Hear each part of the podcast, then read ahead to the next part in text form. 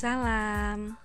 Baik teman-teman semua, jika teman-teman tertarik untuk mengidentifikasi masuk dalam gaya belajar dan komunikasi yang mana, teman-teman harus mencari tahu indikator dari masing-masing gaya belajar dan komunikasi tersebut.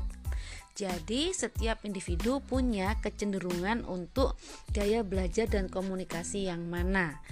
Setelah teman-teman mengetahui cenderung dalam gaya belajar dan komunikasi yang mana, maka bisa ditemukan strategi belajar yang sesuai.